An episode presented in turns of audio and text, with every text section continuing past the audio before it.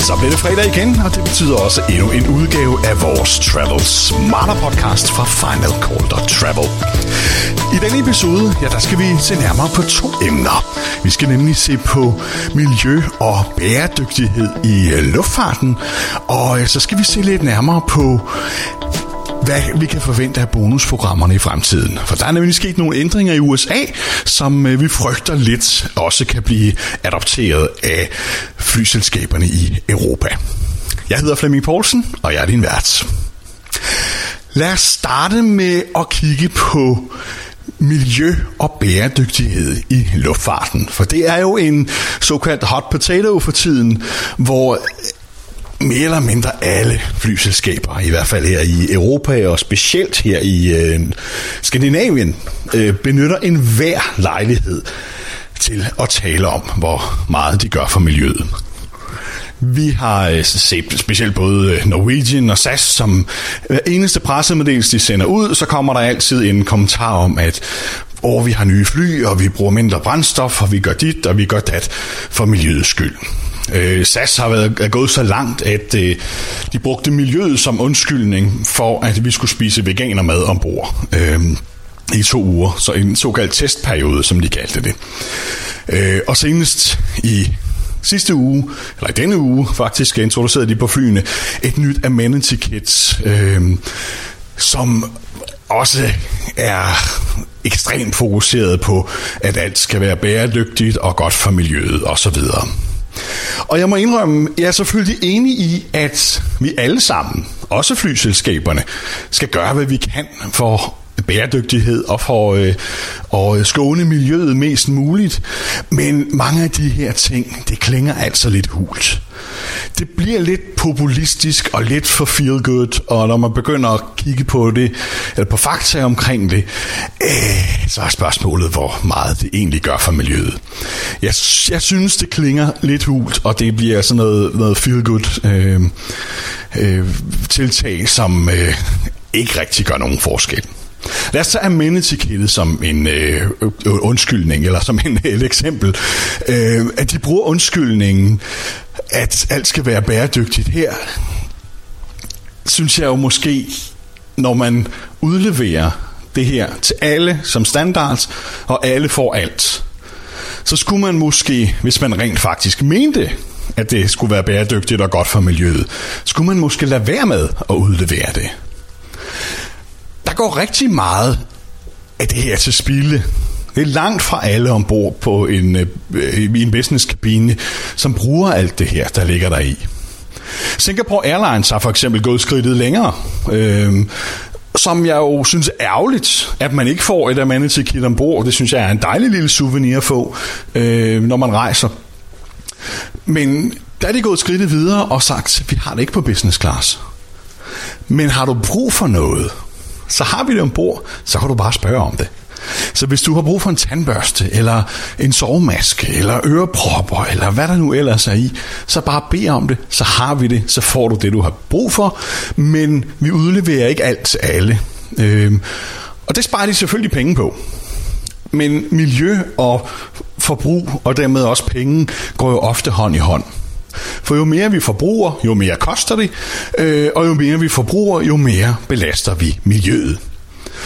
Nu tror jeg ikke, at om et flyselskab udleverer der mandet til kit eller ej, rent faktisk gør ret meget for den globale opvarmning.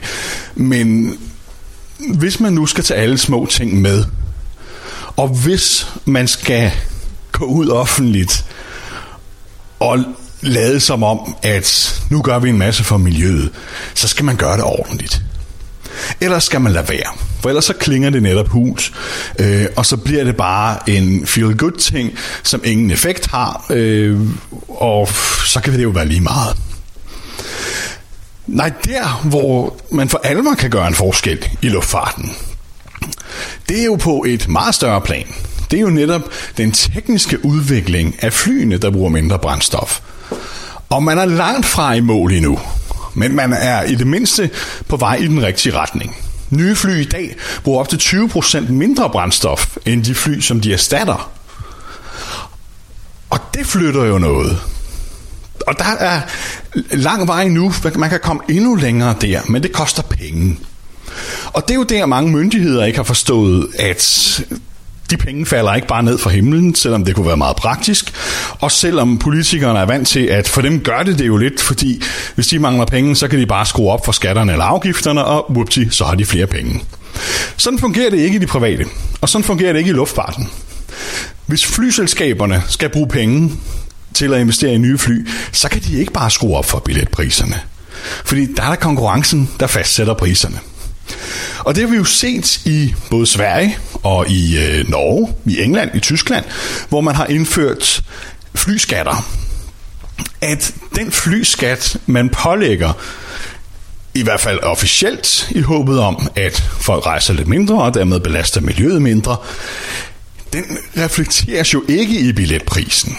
Det bliver jo flyselskabet, som absorberer hovedparten af den omkostning. Fordi det er et globalt konkurrencepræget marked, der bestemmer, hvor meget de kan tage for billetterne. Så når Sverige pålægger 400 kroner i flyskat, så kan SAS ikke sætte prisen op med 400 kroner.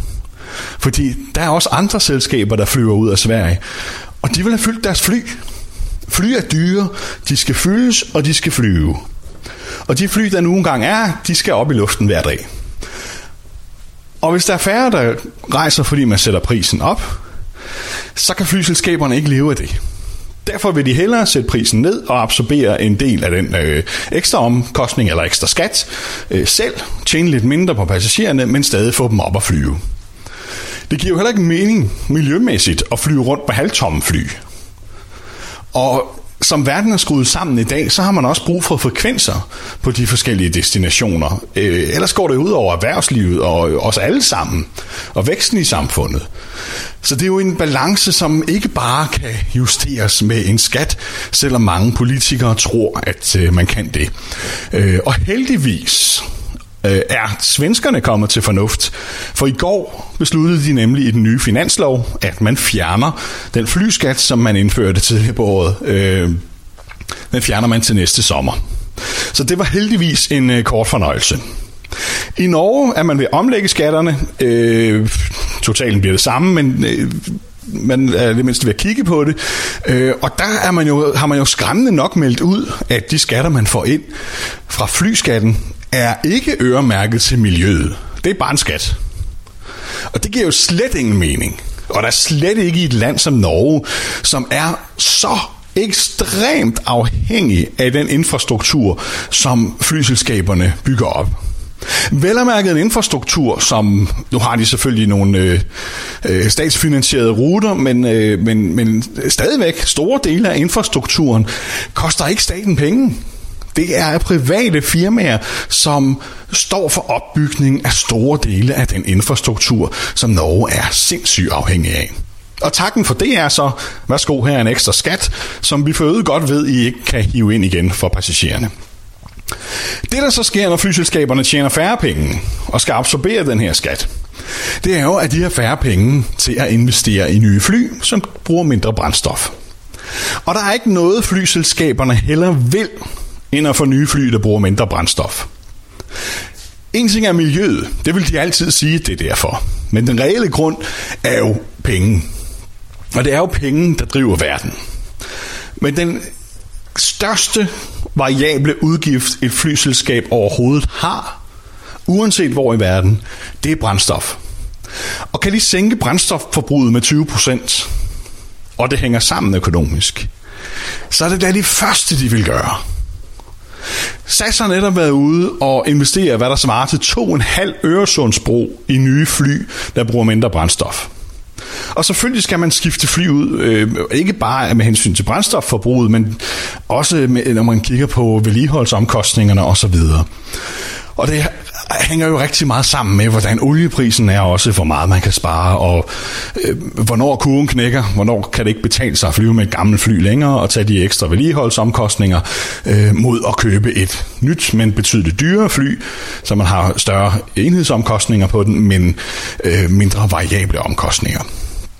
Men faktum er, har flyselskaberne penge? Har de gode rammevilkår? Har de, øh, så har de råd til at gøre det her. Og så gør de det. Det har vi set overalt i verden. De gør det en ting, som jeg sagde før, for at spare penge på brændstoffet, men de gør det så sandelig også, fordi nye fly kan holdes i luften flere timer om dagen. Der er lavere vedligeholdsomkostninger på dem. Men enhedsomkostninger ved anskaffelse af flyet og finansieringsomkostningerne på det er naturligvis meget, meget højere end at flyve med de gamle fly. Og derfor ser vi stadig mange gamle fly rundt omkring.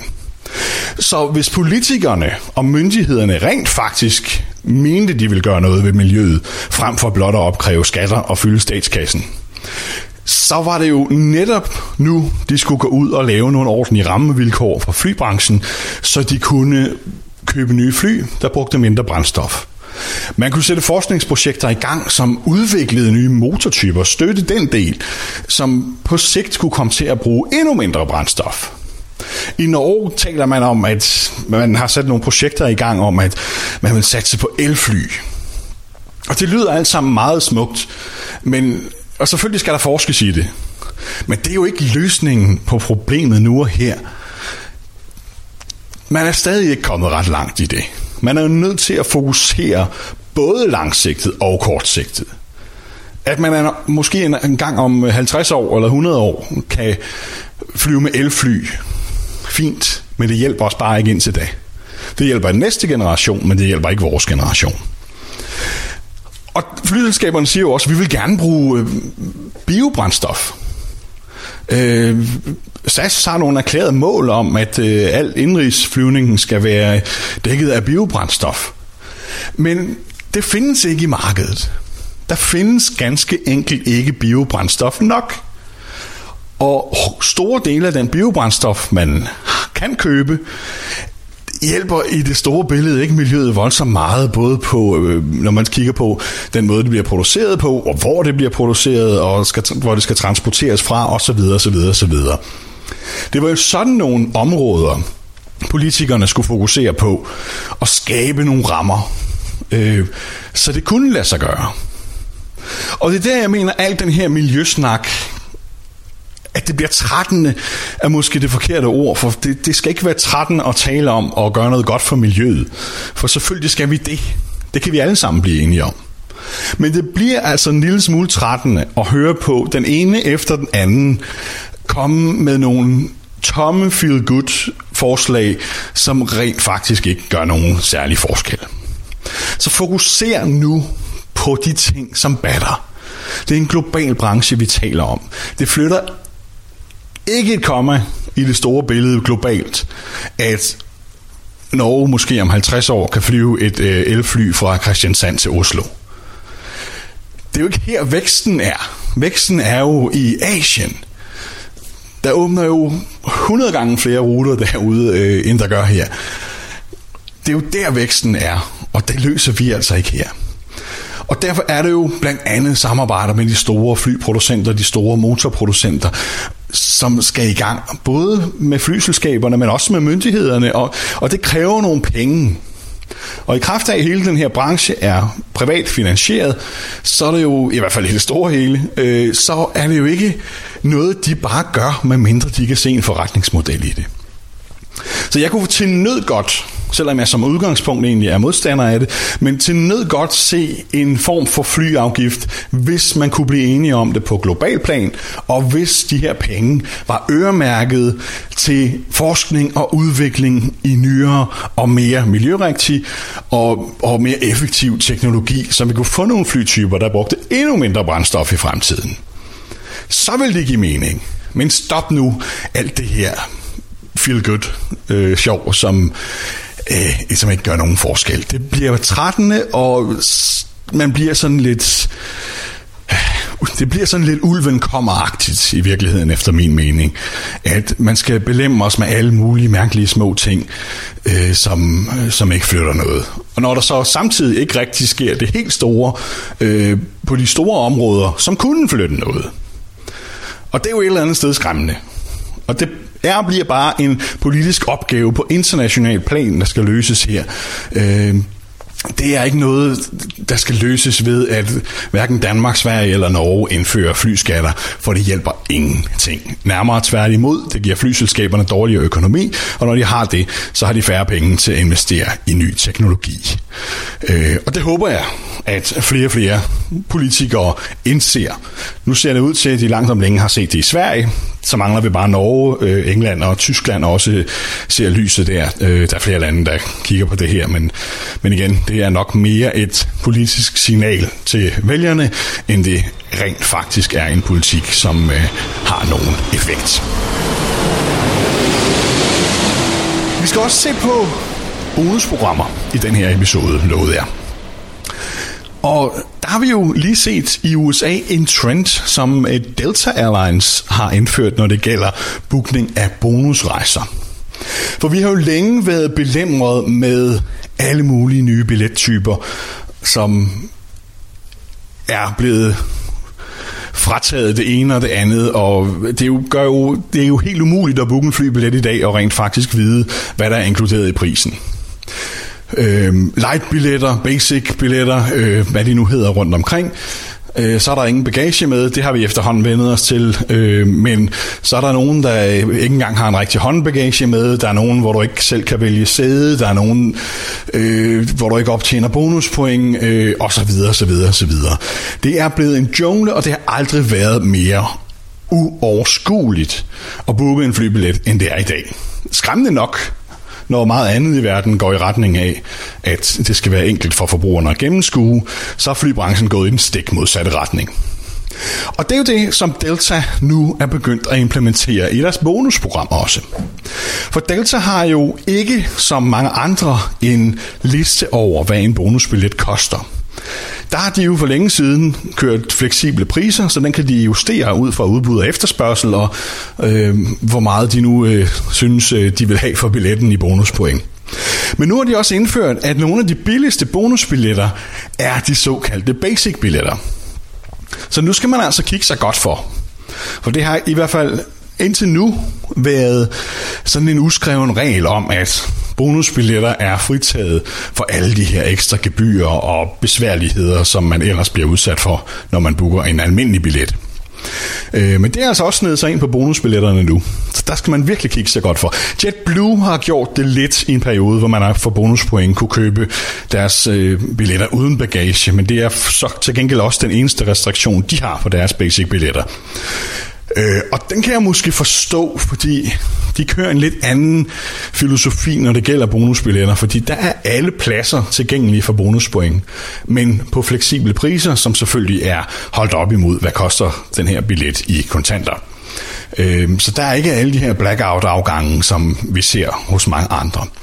Øh, og derfor giver det også fint nok mening hos dem, at alle afgange er tilgængelige, og alle billettyper er tilgængelige til forskellige pointpris. Men som sagt, nu har Delta altså indført det, og jeg frygter, at det er en ting, som andre bonusprogrammer, også her i Europa, vil sidde og kigge på og tænke, vi har jo allerede de her light-billetter.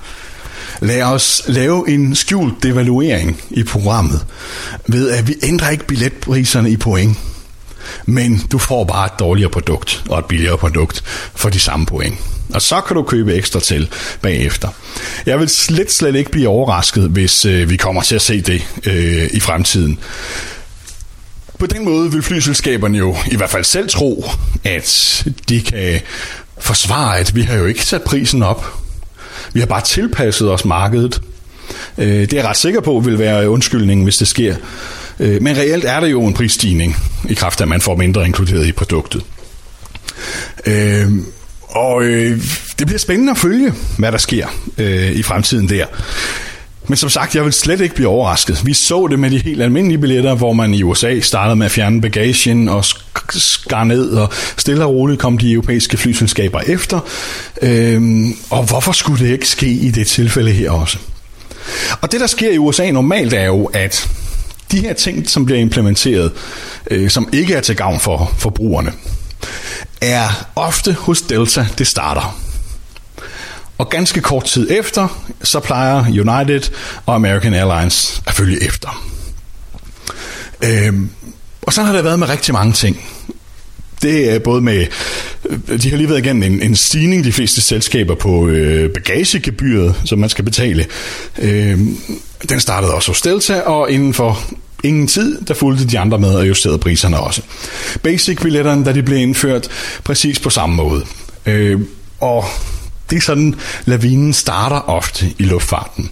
At det er Delta i USA, så følger de andre store amerikanske selskaber efter.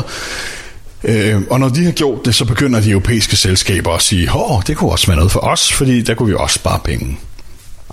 Spørgsmålet er så, hvornår stopper det her? Og vi har tidligere været inde på det i nogle artikler øh, om fremtiden i både luftfarten, men også i øh, bonusprogrammerne. Øh, og vi, vi frygter lidt, at vi har slet, slet ikke set bunden endnu. Øh, bare vent, det næste bliver, at der kommer en masse regler for håndbagage. Det har vi allerede set hos øh, WOW for eksempel. Øh, vi har set nogle af lavprisselskaberne indføre det, at nu kan man pludselig ikke have en almindelig størrelse håndbagage med mere uden at betale ekstra.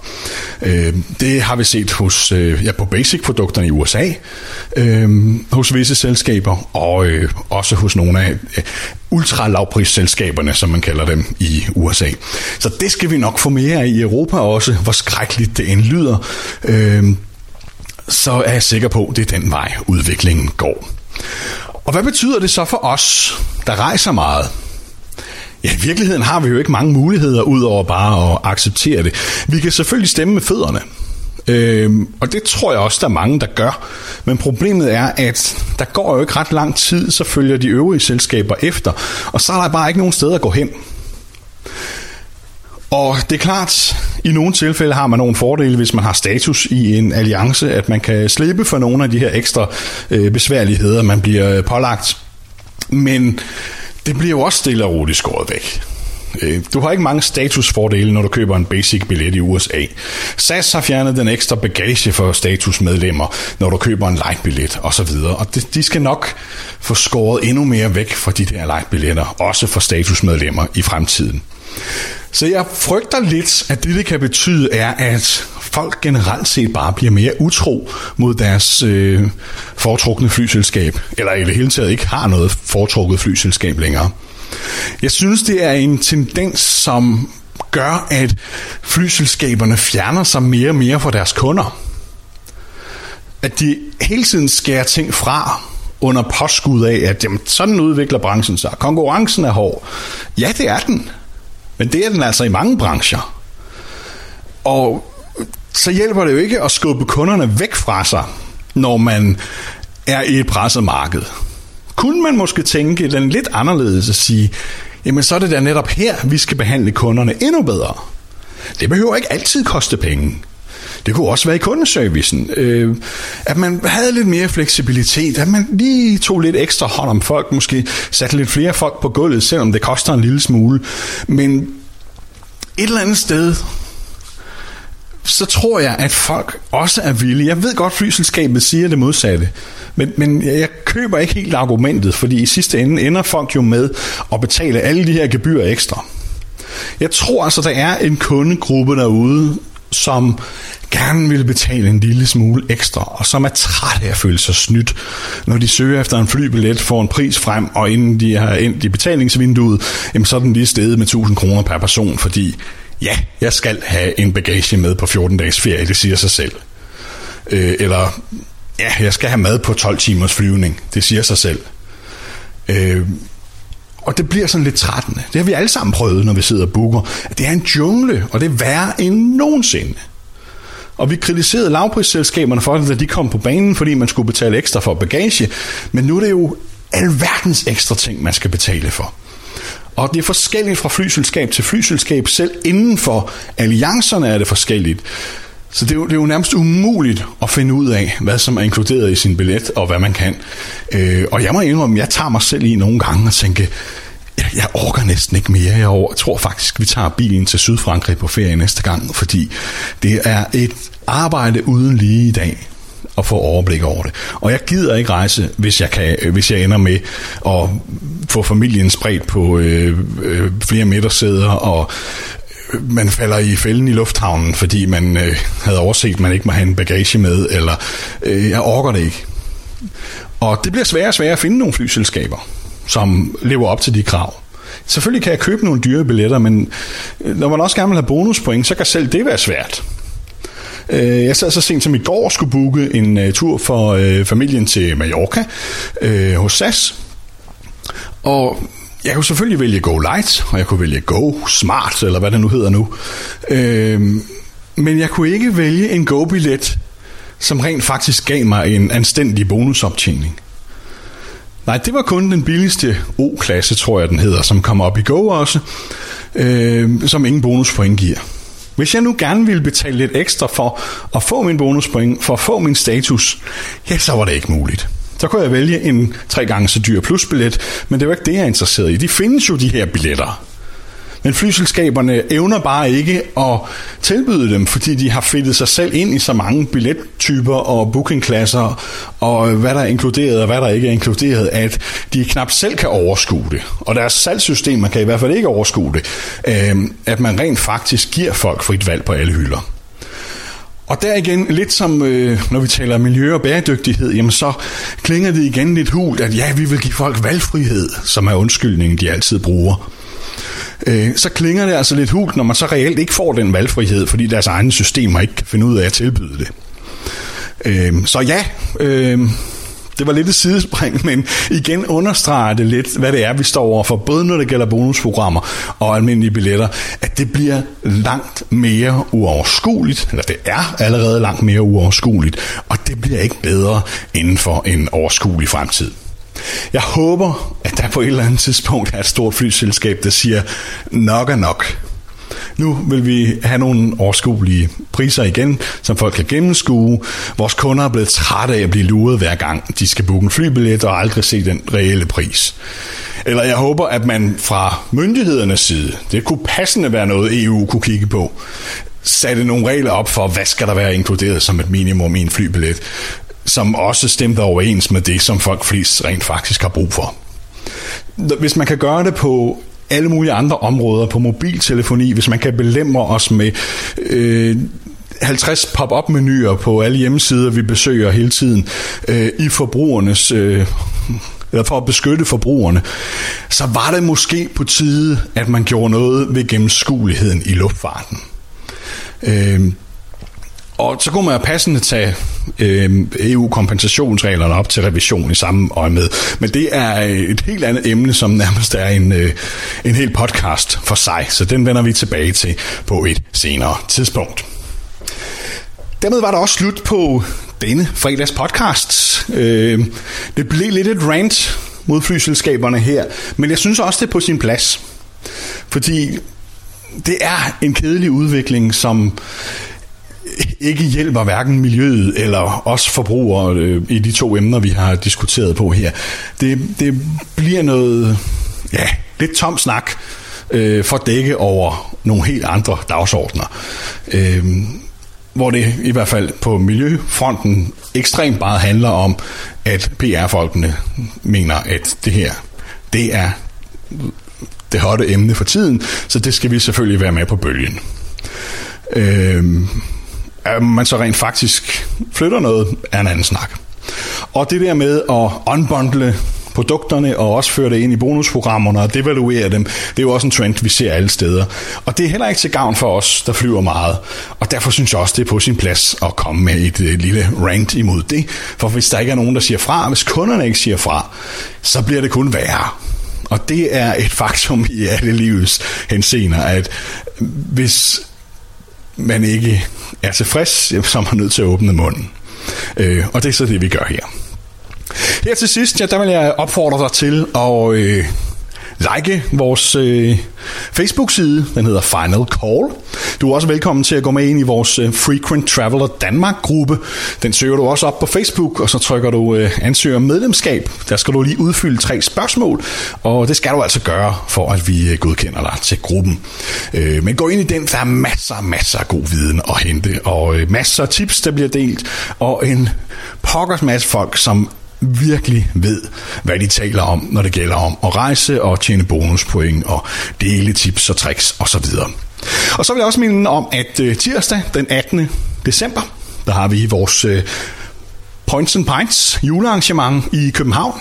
Det øh, laver vi denne her gang sammen med det nye Citizen M Hotel, som har været så venlige at lægge lokaler til på deres øh, living room, som de kalder deres øh, reception- og barområde, som ligger på 7. seng på Rådhuspladsen i København.